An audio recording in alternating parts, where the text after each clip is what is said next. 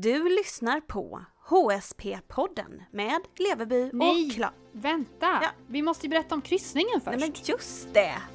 Den 14 september kastar vi loss från Stockholm mot Åbo. Då får du lära dig mer om hur högkänsligheten påverkar oss, vilka fallgropar vi kan undvika och vilka styrkor vi ska förstärka.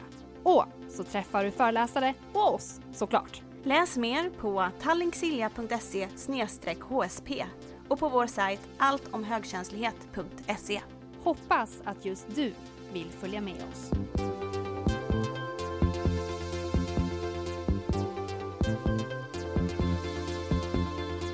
Du lyssnar på HSP-podden med Leveby och Klar. Hej och välkomna tillbaka till oss! Vi vill börja med att tacka alla er som lyssnar för att ni har hört av er till oss med tips på ämnen. Och så vill vi också tacka för all pepp kring vår HSP-kryssning som vi kastar loss med den 14-15 september. Många av mejlen vi får handlar om högkänsliga barn och oftast är det föräldrar som har frågor om hur man ska bemöta sitt högkänsliga barn. Och hur personal i till exempel skolan kan göra det lättare för barnen som ju tar in och känner av hela tiden. Vissa menar ju att man ska berätta för barnet om vad högkänslighet är. Andra menar att man endast ska bemöta barnets behov. Och vi vet ju att eh, Elin Lundberg, psykoterapeut och eh, också återkommande gäst här i podden, anser att man inte ska prata om HSP med sina barn. Först när de är stora nog att själva ta reda på vad det är för någonting så kan man ta det snacket. Ja, och vi har ju inga egna barn så för att bäst besvara era frågor så bjöd vi in en expert. Harriet Persson. Hon är själv högkänslig, legitimerad lärare och är en del av SFH, Sveriges förening för högkänsliga. Och hon håller eh, ofta föreläsningar om just högkänsliga barn. Ja, och du har ju träffat henne och snart ska vi höra hur det lät. Men först får jag bara berätta en fin historia om, om det här eh, ämnet som gjorde mig alldeles varm i hjärtat. Ja, snälla. Jag kommer ju från en familj med lärare och i en av eh, de här lärarnas klasser så finns det en tjej som är jätte eh, alltså smart, begåvad och härlig på alla sätt. Och så har hon väldigt mycket känslor. Och mycket krav på sig själv och mycket press och gråter tydligen ofta. Ehm, och min familjemedlem då, som ju också själv är högkänslig, börjar ju fundera så här, men jag undrar min Sanja om inte hon är en, en del av, av vår grupp sådär. Ja. Och ehm, har sett den här lilla tjejen, som jag tror hon är kanske 13 någonting, eh, hur hon kämpar och kämpar och liksom inte riktigt förstår varför är hon som hon är och varför reagerar ingen annan på, på det här eh, stimulit eller vad det nu är för situation. Varför reagerar bara hon och ingen annan? Och så hade de, tror jag, ehm, hon hade varit med i någon tävling utanför eh, skolan och misslyckats och kommit tillbaka då till, eh, till sin lärare och sagt att så här, ja, jag är så besviken på mig själv och jag förstår ingenting och jag bara gråter och liksom att det hade låst sig för, för henne då för att andra hade tittat på och det var så jobbigt att prestera under stress och sådär. Mm. Ehm, och då sa hennes lärare, eh, också min familjemedlem, till, eh, till henne att så här, vet du vad, jag tror att vi kanske kan sätta oss ner och prata lite. Och hade sagt då till den här lilla tjejen att du vet att jag tror du får acceptera att du är så här. Mm. Att så här kommer det alltid att vara för dig. Och det är inget farligt att gråta. Och det är inget farligt att visa känslor. Och det är inget farligt att ha känslor. Och det, det finns faktiskt någonting som, som gör att fler är på det här sättet. Det är inte bara du. Bara för att det bara verkar vara du just nu i den här klassen så finns det fler som är som du. Vill du veta mer sådär? Då hade den här lilla tjejen gått hem och pratat med sin mamma. Och eh, då hade mamman tagit med sig tjejen till skolan och då sagt att så här, ja men nu har mitt barn pratat om, om att det här var så himla fint samtal med dig så kan vi få veta lite mer så. Ehm, och då hade de börjat prata om högkänslighet. Ja. Och jag tror inte att mamman var det. Nej. Så att hon visste liksom inte, så att, och tyckte också att så här, mitt barn är, det är något Ja. speciellt och jag vet inte riktigt hur jag ska vara Nej, med precis. henne. Liksom. Ehm, pratat mycket om det och fått den här förståelsen för vad högkänslighet är. Eh, nu gör jag en jättelång historia av en ganska kort sak, men, men då så fick de senare fylla i någon slags formulär i skolan. Ja. Jag vet inte i vilket syfte, men att alla barn hade fått fylla i någon sån här formulär med olika frågor. Och en av frågorna var, känner du att du har kontroll över dina egna känslor? Mm. Och då var det en skala på 1 och 10. Och det 1 då är liksom nej, Mm. och det 10 är absolut. Och då hade hon fyllt i 1. Ja. Att hon känner inte alls att hon har kontroll över det. Och sen hade hon strukit över och sen skrivit före högkänsligheten. ja. Så att efter att hon hade förstått att hon är högkänslig så kunde hon kryssa i en tia. Nej men vad fint. Och du vet, jag blev alldeles... Ja. Du vet. Wow. Ja, ja visst. För att då har hon förstått att det är inget fel.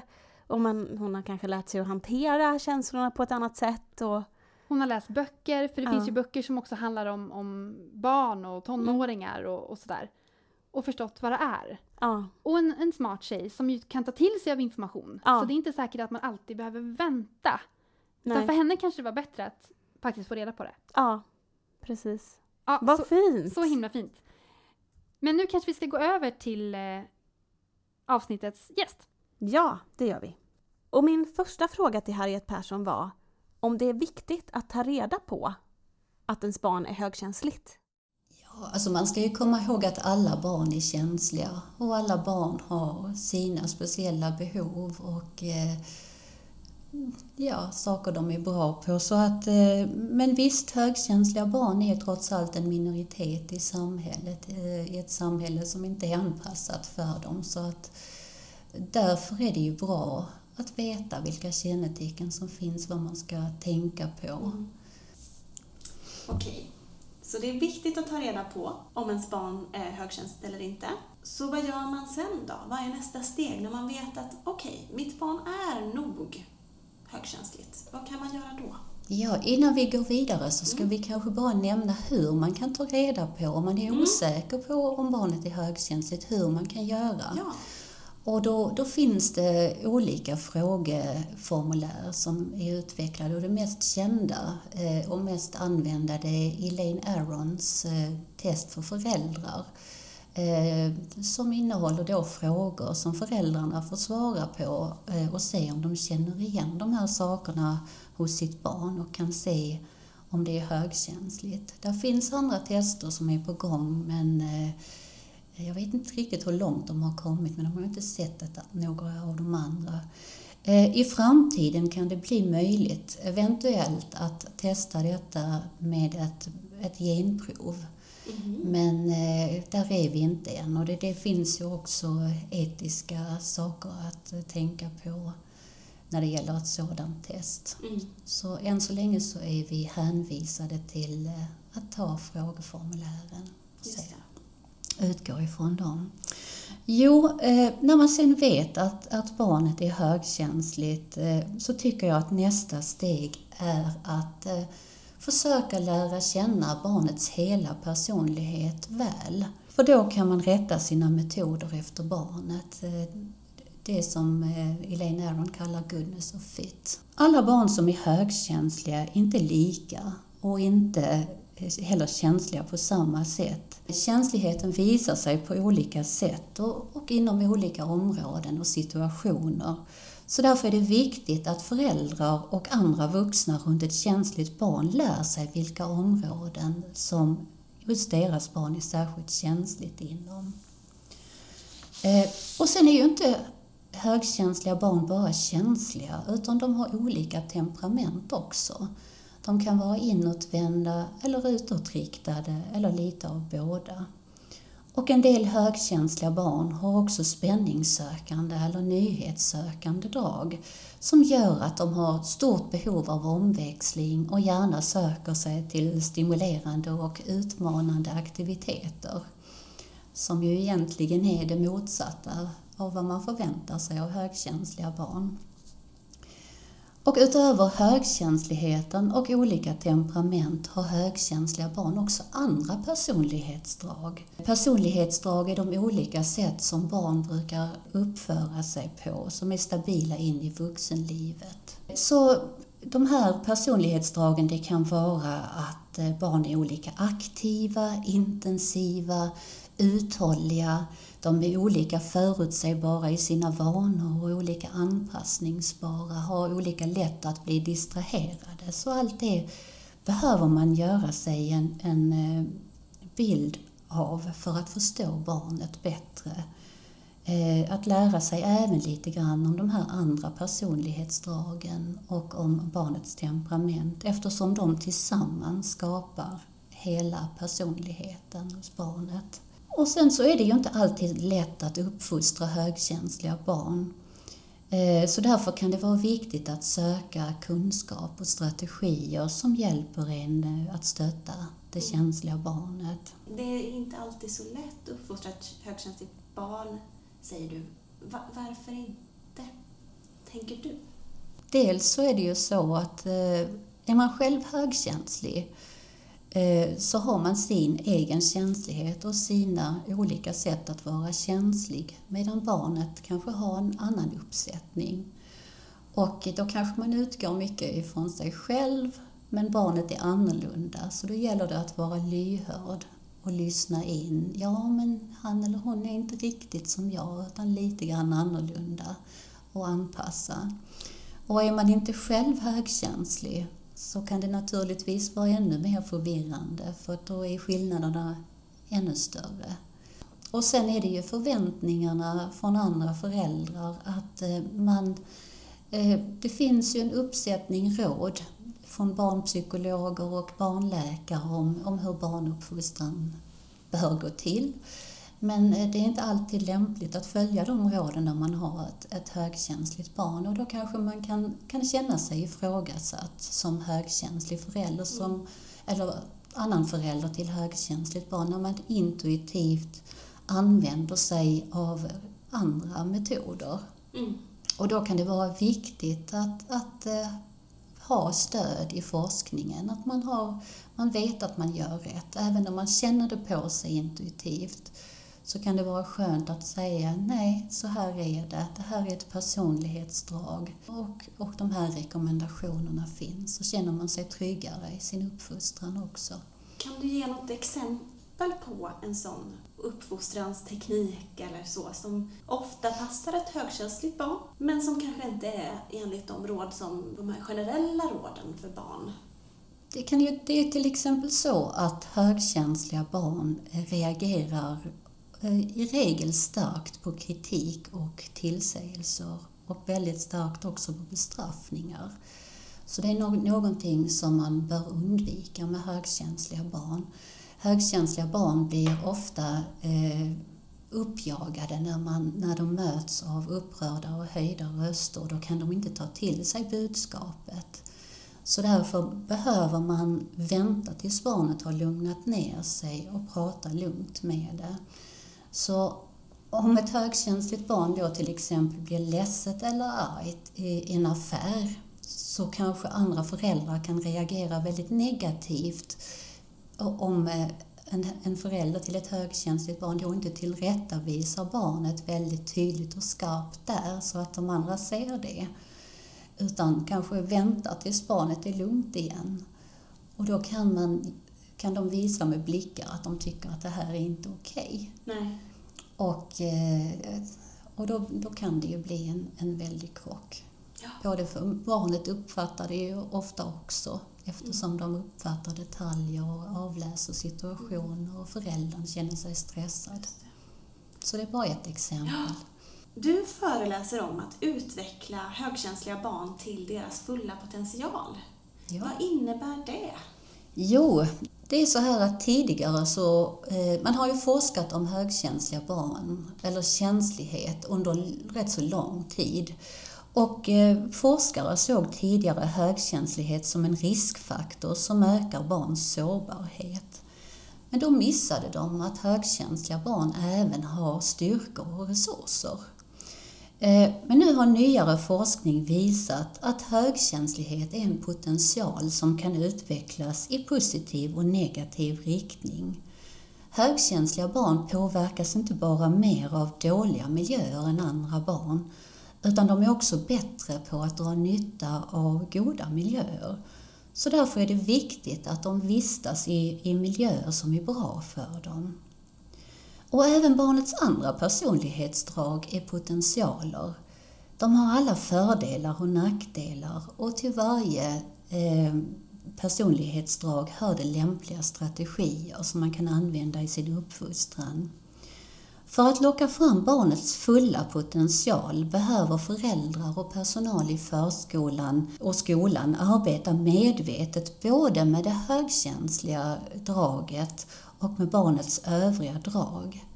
Barnet behöver lära sig att hantera både svårigheterna med högkänsligheten och sina olika drag men de behöver också ha hjälp med att förstå och utveckla sina styrkor. Eh, och det mest avgörande för högkänsliga barns utveckling är att föräldrar och andra vuxna runt omkring barnet har en positiv inställning till känsligheten. Det är, det, det är viktigare än redskapen och strategierna som man kan använda. Hur, hur yttrar sig en positiv inställning kontra en negativ? Ja, eh, när man eh, har en, en positiv inställning till barnet så eh, lyssnar man, då kritiserar man inte barnet för känsligheten utan eh, hjälper barnet att uttrycka sina känslor och att hantera situationer som barnet hamnar i och försöker hitta lösningar. När man har en negativ inställning, det kan till exempel vara föräldrar som själva är väldigt utåtriktade, väldigt aktiva och får ett barn som då är, är känsligt och lite tillbakadragen, tillbakadraget och försiktigt. Och då kan det ju kännas eh, lite trist när man inte kan utöva de här eh, eh, aktiviteterna till barnet som man kan, med barnet som man kanske har sett fram emot att göra. Mm. Och eh, man kanske då inte heller förstår att barnet blir eh, överstimulerat utan driver på. Ja men kom igen, det, det är ju kul och, och försök och, och det bara överdriver. Då får barnet en, en, ett negativt budskap som kan leda till att barnet får en väldigt negativ självbild också. För de kan ju inte hjälpa hur de känner och, och, även om de försöker så kan de inte bli av med högkänsligheten. Nej. Det kan vara eh, eh, vuxna som ibland, även med, med största välmening kanske, uppmuntrar barn att, att vara mer positiva, att komma över saker fortare, att, att inte tänka så mycket. Men, men det blir ju svårt eftersom barnet ju faktiskt inte kan förändra det. Och, som då, att, och känner sig ännu mer fel när det upptäcker att det gång på gång ändå känner så här som det har blivit uppmuntrat av vuxna att inte känna. Mm. Och man får inte heller hjälp och förståelse i en sån situation när man känner att någonting är svårt och då är det lätt att, att man stoppar undan den här oron. Eh, så att den får gro och växa inom en. Och det är någonting som man gärna kan prata om sinsemellan som föräldrar. Hur ser vi på barnet? Har vi en positiv syn eller är det någonting som gnager och hur kan vi, eh, hur kan vi få en positivare syn? Okej, okay, vi kan inte åka på äventyrssemester men vi, vi kan uppleva väldigt mycket i naturen och barnet kan hjälpa oss att se saker med, med sin eh, detaljuppfattning. Och, och vi upplever saker på helt nya sätt. Och, och, även på, i förskola och skola är det ju viktigt att personalen eh, funderar, hur ser vi på, på högkänsliga barn? Ser vi dem som barn som är besvärliga? Lite långsamma och eh, kanske överbeskyddade hemma, dåligt uppfostrade. Eller är det barn som har smart humor och, är lite kluriga och funderar? Så det, är det så man når målet då att som förälder försöka utveckla ens barns fulla potential? Ja, att eh, hjälpa barnet att hantera känslorna istället för att, att undertrycka dem. Att, att prata med barnet om eh, vad det har upplevt, hur det har känt kring det, sätta namn på, på känslorna. Eh, fundera hur, hur kan man hantera olika relationer och se att man kan se saker på olika sätt, en händelse på olika sätt. Kompisarna ser det på ett annat sätt än man själv gör. Då, då är det lättare för barnet att anpassa sig. Och hur kan man visa sina känslor på ett, eh, ett, ett bra sätt som gör att, att man blir förstådd och, och accepterad. Hjälpa ens barn att uttrycka känslor? Uttrycka och, och hantera känslor så att man inte måste undertrycka, att de inte byggs upp som en, en hård klump i magen. Vi pratade ju lite tidigare om att högkänsliga barn ju faktiskt är väldigt olika sinsemellan. Ja, att det ja. finns ett temperament som spelar roll och, och Ja. andra typer av personlighetsdrag. Precis. Den punkten du pratar om nu, funkar den på alla högkänsliga barn skulle du säga? Är den universell? Ja, att ha en positiv inställning är absolut viktigt. Eh, sen är det ju många, de här barnen som då är, är extroverta eller har nyhetssökande och högkänsliga drag. Det kan vara svårt att se att de är högkänsliga utifrån för att många ser ju på högkänsliga barn som, som lite tystlåtna och försiktiga eh, och, och eftertänksamma. Men, eh, men extroverta barn har eh, ofta ett stort umgänge och är i, mitten av det och, och pratar och, och har inga problem med att snabbt komma igång med saker. Och barn som har nyhetssökande och spänningssökande drag, de kan ofta vara lika stimmiga som någon annan fastän de egentligen är ljudkänsliga. Och eh, de här barnen kan, kan också ofta komma i eh, svårigheter när de bryter mot reglerna. Och så blir de utskällda av, av läraren och så blir de väldigt ledsna för det för de har svårt för att ta kritik.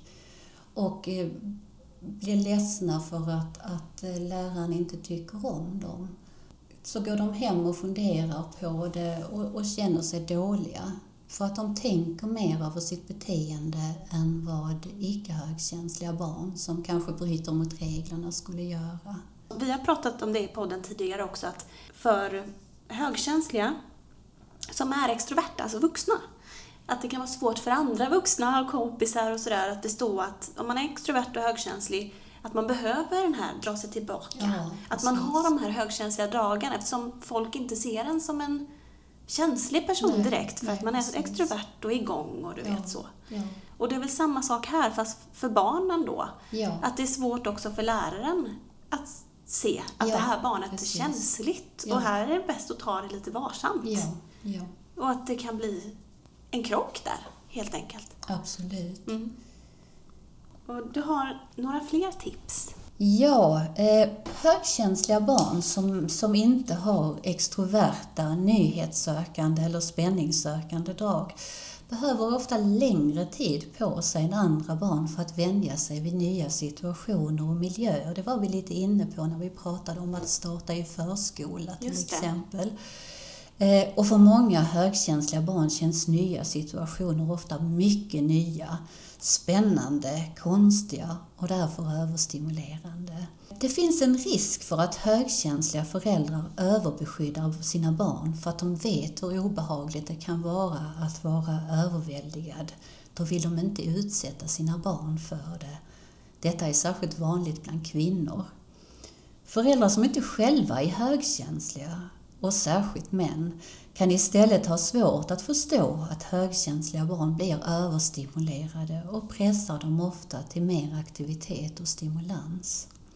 Så omsorg innebär att stötta och uppmuntra barnet och kunna avläsa när man ska skydda och när man ska utmana.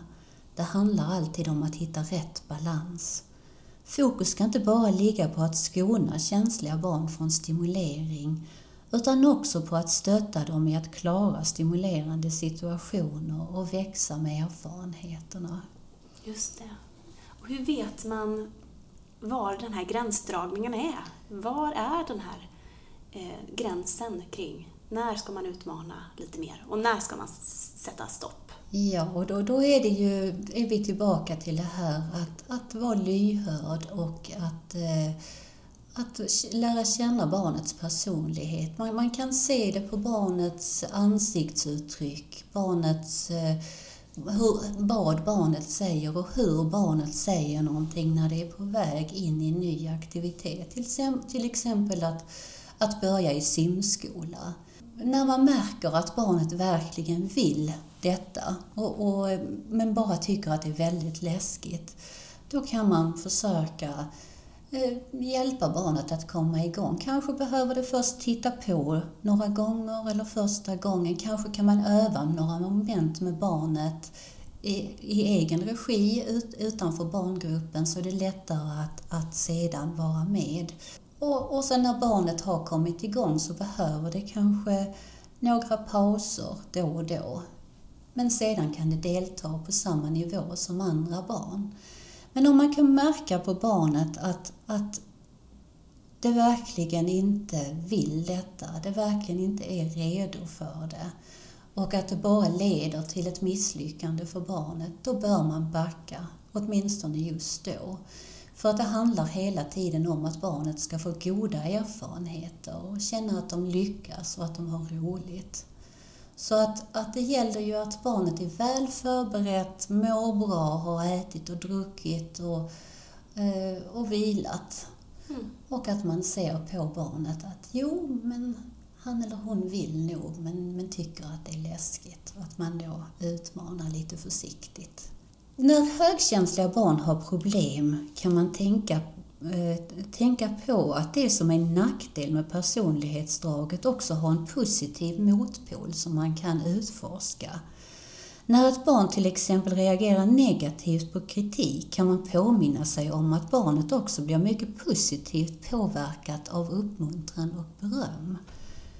Barn som blir mycket arga eller ledsna när de blir avvisade av kamraterna känner också stor glädje när andra barn tycker om dem och vill ha med dem i leken och så vidare.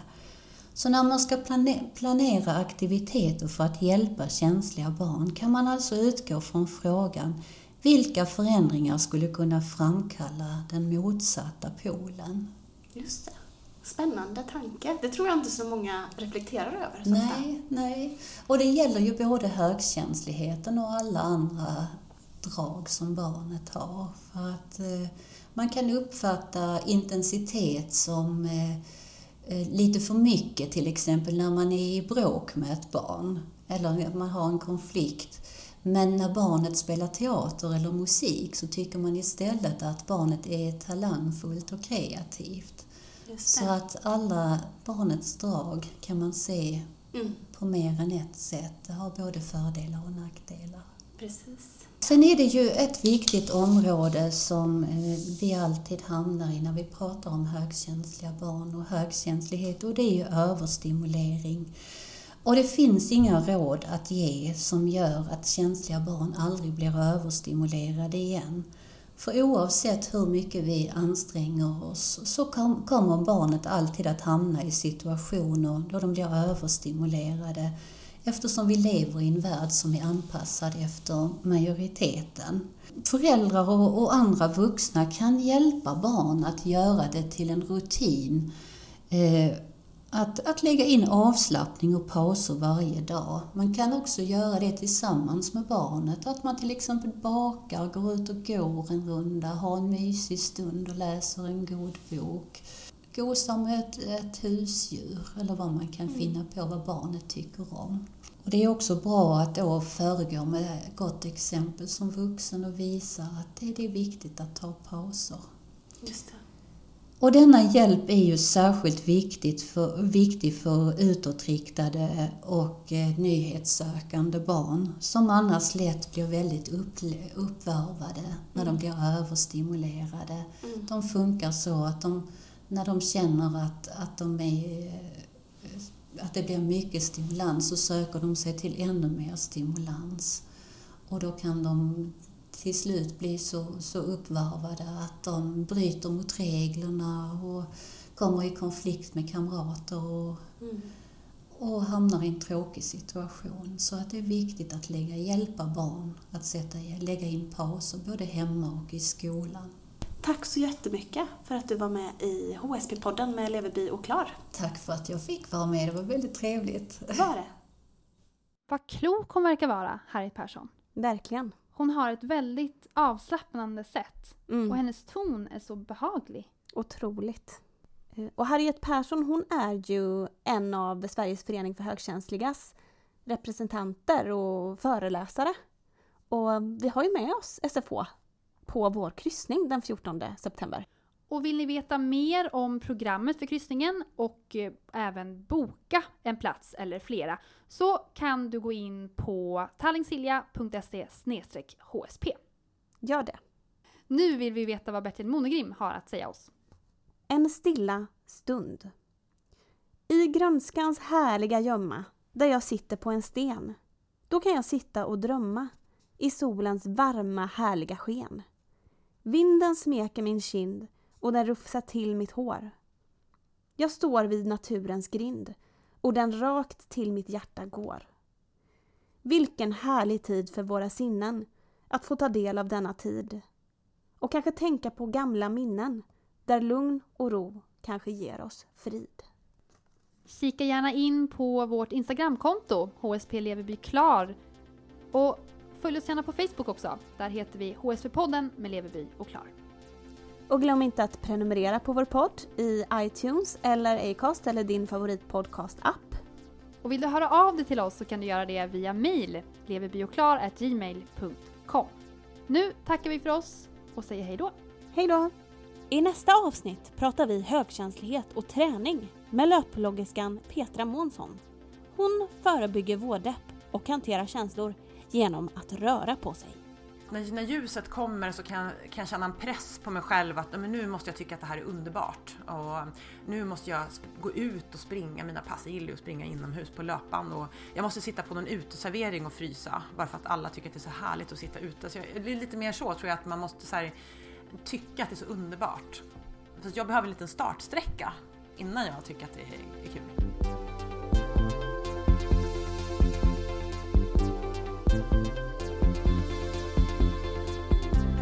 Har lyssnat på HSP-podden med Leveby och Klar.